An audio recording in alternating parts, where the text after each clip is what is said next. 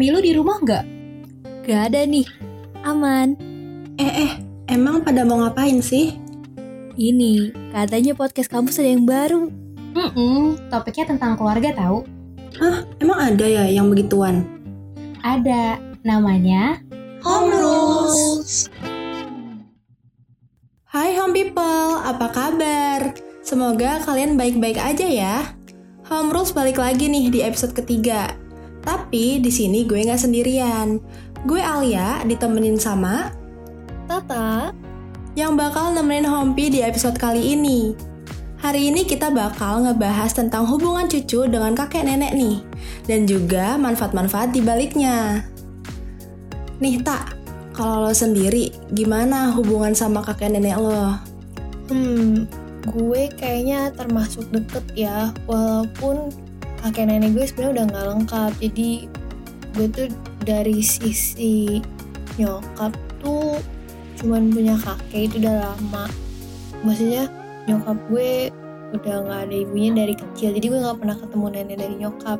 Tapi sama kakek gue gue deket karena emang udah tinggal bareng lama.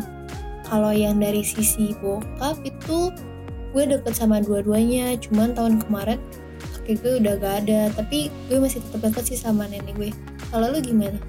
Oh, gue malah kebalikannya. Gue tuh malah nggak belum pernah nggak pernah ketemu sama kakek gue yang dari bokap gue.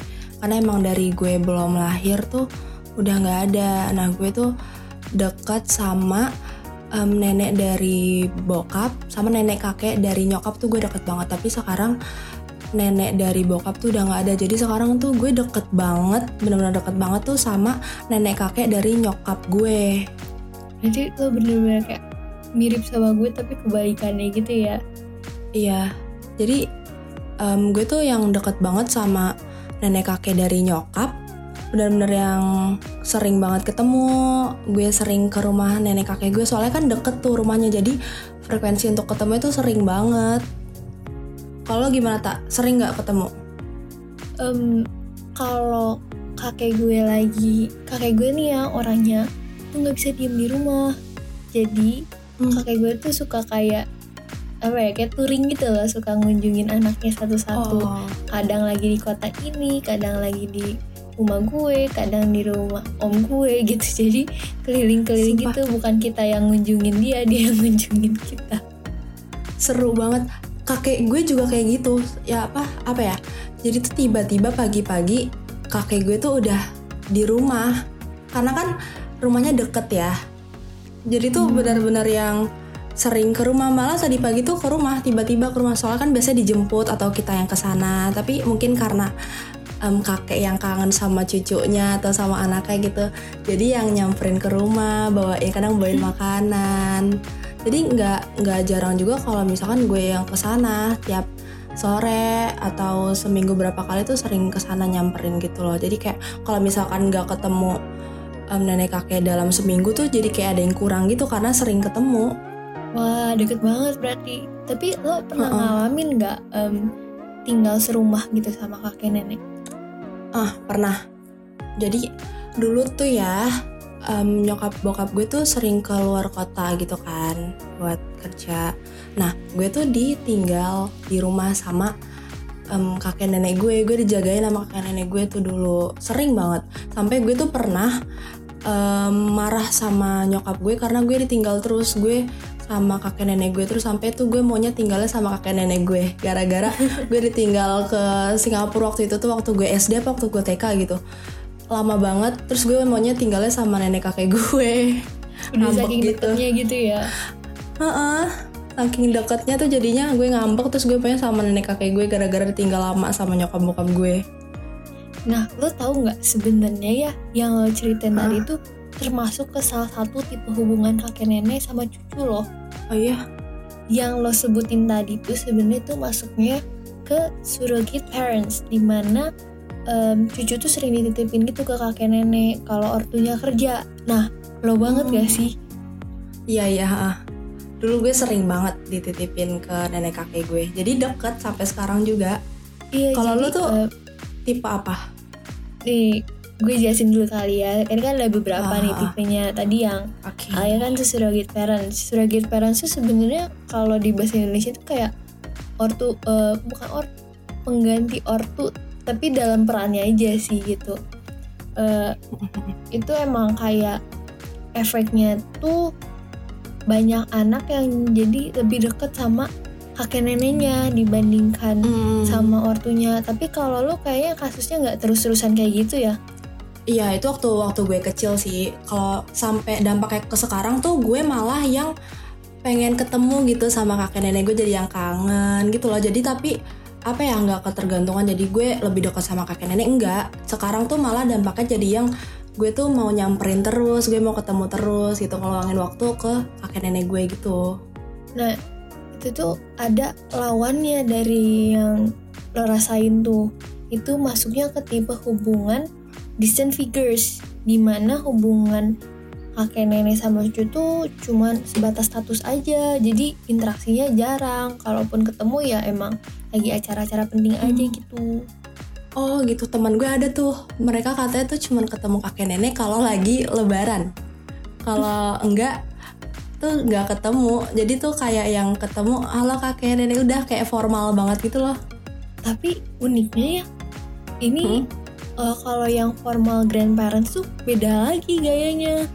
Oh ini beda tipe lagi. hubungan yang berbeda lagi.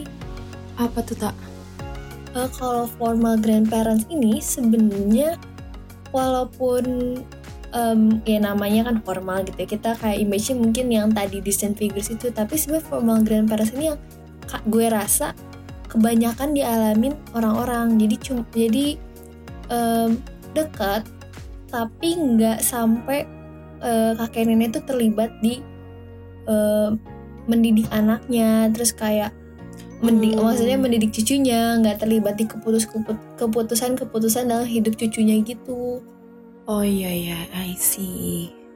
Kalau lu tuh tipe apa sih tak kayaknya gue rasa gue termasuk yang ini sih karena eh, kakek nenek gue tuh gue deket gue suka cerita cerita tapi ya gitu sekedar cerita aja nggak pernah sampai kayak eh, kayaknya mending gini deh mau eh, coba dibahas sama ortu gini-gini nggak sampai ngasih saran juga kayak bener-bener temen cerita Oh. aja atau kayak eh, kalau lagi ngumpul-ngumpul tuh ngajak ngobrol gitu-gitu. Jadi nggak sampai distant banget tapi juga yang nggak terlalu terlibat dalam hidup gue gitu. Gue tuh malah kebalikannya tak dari lo beneran deh. Gitu kayak yang sering cerita. Gue kan sering nyamperin nenek kakek gue tuh. Setiap nyampe tuh gue cerita cerita kan gue manggilnya mbah tuh. Mbah aku aku habis kegiatan ini loh. Aku habis ini loh. Nanti aku mau ini loh. Jadi gue cerita gitu loh. Terus suka kayak yang dan wah hebat. Kamu hebat banget. Gitu gitu jadi yang disupport juga yang bagi-bagi cerita juga gitu. Jadi nggak yang kaku nggak formal gitu loh asik banget ya. Tapi kayaknya kalau yang yang itu gue agak relate sih kayak gue ceritanya lebih ke kayak apa ya ngasih pengumuman atau laporan gitu kali ya. Soalnya gue kayak Ah. ngerasa, "Ah, Ta- eh, Tata menang ini Tata nilai kemarin segini gitu-gitu. Jadi buat eh, tujuannya nyenengin kakek nenek aja sih ngebanggain. Iya iya jadi tuh kita kalau misalkan cerita nih bikin mereka senang kita juga jadi senang gak sih ngeliat kakek nenek kita tuh senang gitu dapat kabar dari kita Iya, iya banget. Soalnya kan mereka tuh ya biasanya kalau makin tua tuh kan kegiatannya makin terbatas ya. Jadi mereka nyari hiburan tuh salah satunya dari kita. Nah, ini nyambung banget ke tipe berikutnya. Tipe fun seekers di mana eh, kakek nenek nih Hmm. mungkin ini agak mirip yang lo juga soalnya deket banget sampai pengen ketemu tiap hari dan cenderung manjain cucunya. iya sih gue bisa sih termasuk ke tipe yang itu sih tak soalnya benar-benar yang sering ketemu Kayaknya lo mungkin lebih ke yang ini kali ya dibanding surrogate parents. Cuman lo pernah ada fase di mana lo ngalamin Iya. surrogate parents. iya benar tapi sekarang masuknya ke fun seekers Nah, ini yang terakhir nih. Yang terakhir Iya. ini ada tipe hubungan reservoir of family di mana kakek nenek tuh bukan cuma ngatur cucu tapi juga ortu kita. Biasanya termasuk keluarga otoriter. oh ada ya kayak gitu ya gue baru denger sih lo tau gak sih gue langsung kepikiran apa kayak kakek nenek konglomerat di, di dakor dakor gitu lo tau gak Oh, sih iya iya iya iya Iya, iya biasanya kalau kumpul keluarga tuh lengkap Iya sih. banget terus yang paling tengah tuh duduknya tuh si kakeknya gitu. Iya, ya yang mimpin kakek neneknya yang paling galak gitu terus keluarga itu pada takut. Iya biasanya tuh eh, kalau di dakor-dakor tuh lagi ngomongin kayak em, apa sih warisan gitu-gitu tuh pada ngedeketin kakeknya gitu-gitu kan jadi kayak yang ngasih keputusan nanti si anak tuh pendidikannya gimana sih Iya, pendidikannya gimana itu bener-bener si kakek gitu iya iya. Pasti ada sih ya apa orang yang ngalam- ngalamin tipe ini. Mungkin nggak banyak kali ya. Gue lebih sering lihat kayak gini sih di film-film. iya makanya gue kira ini ada di film doang tapi ternyata realistis juga Heeh. Soalnya sebanyak ini nggak mungkin nggak ada sih yang ngalamin. Iya banget, tapi gue rasa dari apa pun tipe hubungannya pasti tetap ada manfaatnya nggak sih? Iya, pasti semua tuh pasti ada manfaatnya. Kayak dari yang kayak kita nih tak kita sering ngobrol nih misalkan sama kakek nenek kita, kita ngasih kabar yang gembira, itu tuh udah salah satu manfaatnya. Iya, Karena kita apa dari cerita yang kita kasih ke nenek kakek kita tuh bikin mereka seneng, bikin dia bahagia gitu karena apa ya? Jadi kayak deket kita secara emosional sama mereka gitu loh. Ya Hmm, sih? jadi kayak cerita-cerita doang juga sebenarnya bisa jadi kayak sumber entertainment gitu buat mereka gitu. Kadang malah mereka Iya. jadi kayak flashback lagi ya. Dulu juga nenek pernah gitu loh gitu. Kadang-kadang suka kayak gitu. Iya, uh, terus um, karena kita dari awalnya kita cerita, terus nanti mereka tuh juga ikut-ikut cerita gitu loh. Dia cerita-cerita tentang um, dulu kakek nenek tuh gimana. Gue tuh dulu sering diceritain tak apa kayak dulu tuh um, Mbah Uti um, begini loh kehidupannya. Mbah Uti dulu suka diajarin masak sama buyut kamu gitu itu. Jadi kayak jadi kita punya apa ya waktu untuk sharing-sharing. Kita punya waktu untuk em, berdua atau bertiga sama kakek nenek kita pasti kan di umur segitu em, mereka kan nggak ada apa ya waktunya banyak gitu loh kita kita sibuk pasti dia tuh butuh waktu luang kita untuk ngobrol-ngobrol bareng gitu gak sih Yes. Kalau gue bahkan kalau ngobrol sama kakek nenek tuh kadang malah menemukan em, jati diri gue juga. Jadi kadang lo pernah nggak sih lo lo bingung kayak kok gue nggak mirip sama ortu gue ya? Kok gue suka ini tapi ortu gue nggak ada yang suka. Nah itu kadang ketemunya di kakek nenek gitu. Iya ha, ha, ha, ha. ya gue juga kayak gitu sih Kayak gue gue mikir ya kan gue tuh lumayan introvert nih anaknya. Tapi ortu gue tuh dua-duanya ekstrovert banget gitu. Gue mikir ini gue gue dari siapa kok kayak gini? Ternyata kakek gue yang introvert banget tuh. Iya, gue juga ngerasa kayak gitu sih kayak gue tuh malah yang apa ya nggak bisa diem gitu kan. Cuma kalau nyokap em, apa nyokap gue juga nggak bisa diem nih. Terus ternyata nenek gue juga nggak bisa diem gitu loh. Kalau misalkan nggak ada kerjaan tuh malah nyari kerjaan. Pernah tuh sempet kayak em, nyokap gue katanya udah kecapean tapi masih ada aja gitu nih kerjaan ternyata nenek gue juga kayak gitu. Dia abis sakit nih baru sembuh sakit.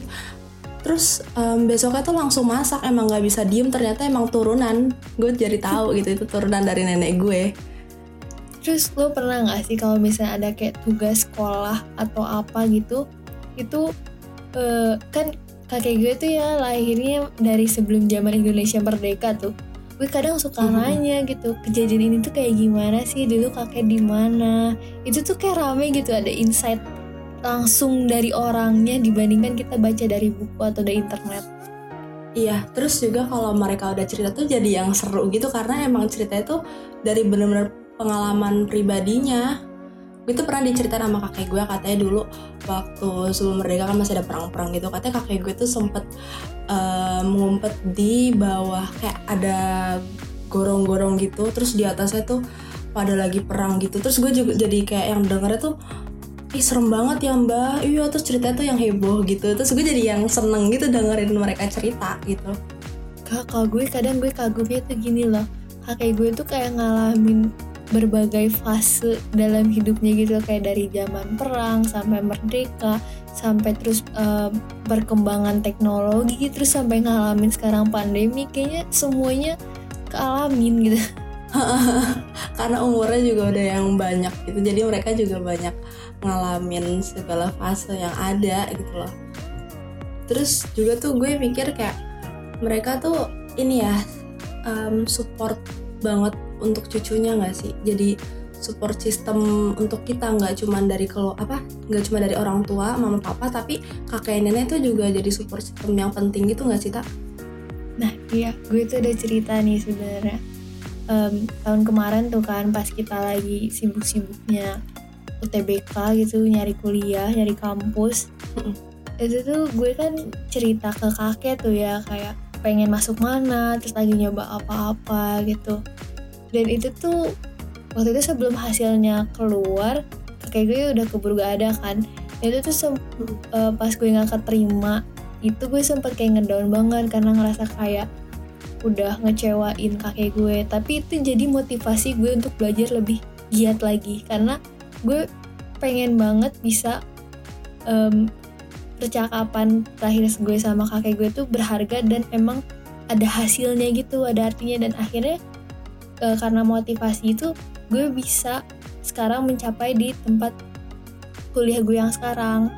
Iya sih itu apa ya itu penting sih. Gue juga ada cerita sih tak kayak um, gue kan dari dulu kan sering tanding ya tanding silat itu nah dari kecil tuh ya sampai sekarang bahkan gue tuh selalu minta doa dari kakek nenek. Nah itu tuh benar-benar jadi sumber kekuatan gue banget. Jadi kayak oh gue harus menang nih kalau misalkan gue menang gue bak mm -hmm. gak cuma ngebahagiain orang tua gue juga tapi gue bakal ngebahagiain kakek nenek gue juga dan bener gue pulang bawa medali gue bawa piala bener-bener reaksi mereka tuh yang seneng banget itu jadi gue juga seneng gitu loh itu jadi kayak yeah. semangat gue buat buat Keren gue menang sih. tuh dari semangatnya tuh dari kakek nenek juga sampai benar-benar mereka tuh ya kan namanya udah kakek nenek ya benar-benar sampai ngebelain untuk nonton gue tanding waktu itu ada kejurnas gitu dan mereka berdua benar-benar datang untuk nonton gue. Terus gue jadi yang nih kalau gue kalah nih sumpah nih malu-maluin buat jadi itu bikin semangat terus ya jadi positif dampaknya juga gitu loh. Tapi keren banget sih gue baru tahu lo silat juga ya. Iya jadi dari kecil tuh gue uh, ya sering tanding silat gitu sampai sekarang. Itu juga nenek kakek gue tahu gitu. Jadi gue sering cerita-cerita juga terus disupport juga. Ya gue sering lah cerita-cerita tentang apa nanti gue akan apa gue mau kuliah juga kayak lo gitu. Gue juga cerita terus bener-bener yang doain banget gitu loh cuma apa ya selain doa orang tua doa kakek nenek tuh juga manjur loh tak menurut gue. Ya nggak sih? Iya banget kalau kalau gue sama keluarga biasa sampai nyebut kayak ada tim doanya gitu loh jadi biasanya kalau udah iya. ada apa-apa yang penting langsung ke rumah nenek langsung kayak mau ini nih mau kita lagi mau nyoba ini atau nggak mau ikutan ini doain ya gitu. Pasti tiap hari itu ngomong kayak gitu. Iya uh, iya banget. Apa ya juga ikut pasti doain mereka juga sih gue. Soalnya gue juga bahagia sih ada mereka gue takut. Lo takut gak sih? Takut takut sih. Takut kenapa kenapa gitu. Takut. Oh nggak tahu ya gue um, apa ya kayak soalnya mau nggak mau kan emang ya udah umur kan ada yang tahu gitu. Jadi gue lebih ke appreciate every moment I have with them daripada mikir nanti ke depannya gimana gitu loh. Iya iya benar sih.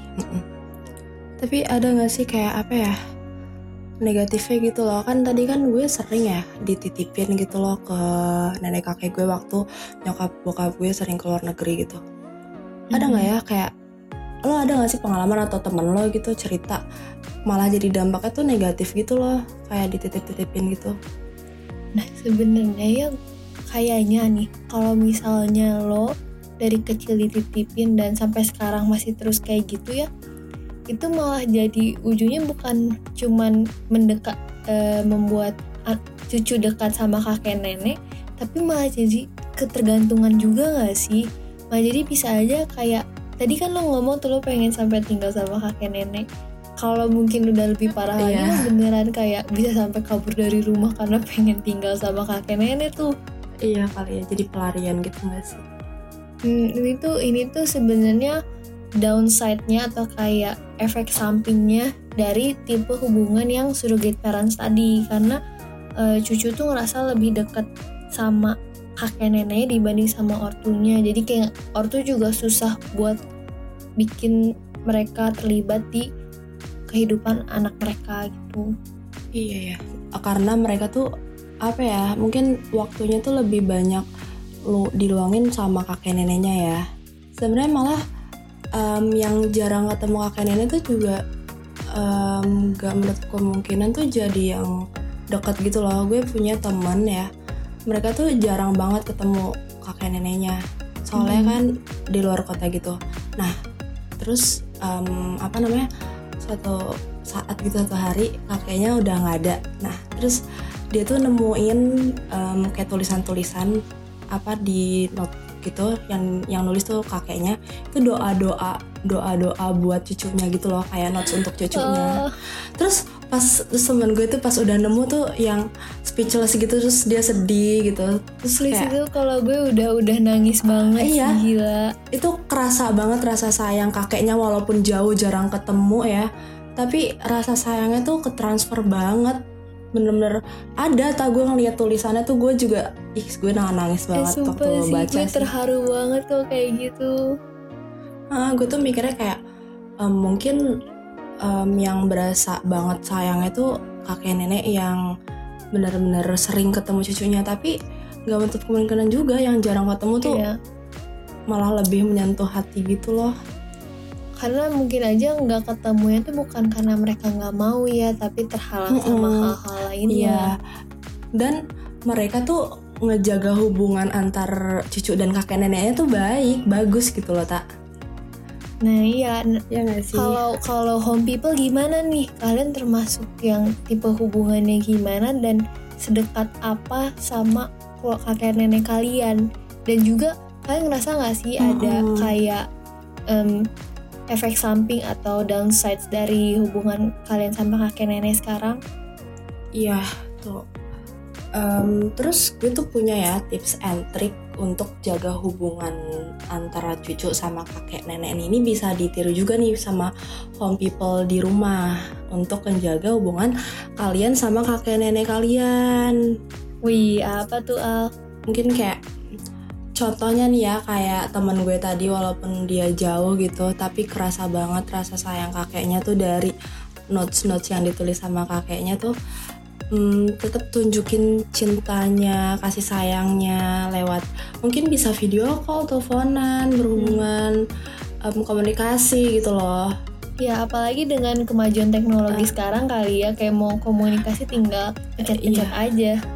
Iya benar banget. Atau enggak kalau misalkan kita deket nih sama kakek nenek kita um, ya ajak cerita dengerin lagu bareng atau mungkin nonton film ada yang suka gitu kakek nenek suka nonton film diajak nonton film bareng. Kayak nenek gue tuh sering buat nonton India walaupun gue nggak suka tapi gue tetap nonton nemenin buat nemenin dia biar nggak kesepian nonton sendiri. Terus juga bisa kalau misalkan nenek kakeknya tuh um, bosan gitu kan di rumah terus nggak ada kerjaan gitu loh bisa diajak jalan-jalan ya nggak sih ta? Hmm, iya apalagi kalau yang udah punya sim tuh yang udah bisa nyetir. Mm -hmm. Terus gue tuh pernah um, tiba-tiba random aja gitu ke rumah nenek gue. Ayo mbak kita jalan-jalan terus langsung yang mukanya tuh sumringah gitu loh. Terus gue jadi senang gitu ngelihatnya dia senang gue ajak jalan-jalan, gue ajak belanja gitu loh. Oh my god, Al tahu gak sih nenek gue ya? Saking senengnya jalan-jalan Kalau misalnya kayak lama aja nggak keluar dari rumah Pasti suka tiba-tiba sakit. Tapi kalau udah diajak jalan-jalan Langsung sembuh sakitnya. Bener, gue juga sama Sama persis kayak gitu. Pernah ya di rumah tuh beberapa bulan gitu ya tak Di rumah terus itu Jadi kayak ngeluh gitu loh Aduh mbak gak enak badan gini-gini. Terus diajak jalan-jalan tuh yang seneng banget. Jadi yang sehat walafiat gitu loh emang ada-ada aja. Itu membuat apa ada dampaknya banget sih buat nenek kakek kita. Jadi lebih senang gitu. Terus juga um, kita tuh bisa dengerin saran mereka cerita mereka gitu loh. Jadi kayak hubungan kita tetap baik gitu loh sama kakek nenek. Kita sering cerita cerita kita dengerin saran-saran dari mereka. Itu kan penting juga gitu loh. Mhm. Kayak yang tadi itu ya jadi jadi teman curhat kita ya juga ya. Iya benar banget. Mereka kan juga butuh teman ngobrol gitu loh. Dengan itu ya bisa ngejaga hubungan antara kita sama kakek nenek kita. Terus juga kita tetap harus hormat sama kakek nenek kita, tetap nunjukin sayang, tapi kita juga tetap hormat sama mereka. Setuju banget tuh. A. Ya sayangnya buat hari ini episode kayak cuma nyampe segini dulu deh. Kalau Hmm. kepanjangan nanti home people-nya nggak sempet nelfon kakek neneknya. Ah iya, jangan lupa ya home people samperin kakek neneknya atau ditelepon. Sama kalau misalkan mungkin kakek neneknya udah gak ada, kita doain semoga kakek neneknya bahagia ngelihat kita sukses di sini. Amin, setuju banget. Oke, thank you buat dengerin Home Rules hari ini. Jangan lupa dengerin Home Rules tiap Selasa dan Sabtu jam 20.30 WIB via Spotify dan Anchor karena kita bakal balik dengan topik yang lebih menarik lagi. This is Tata, This is Alia. and stay tuned on Home Rules.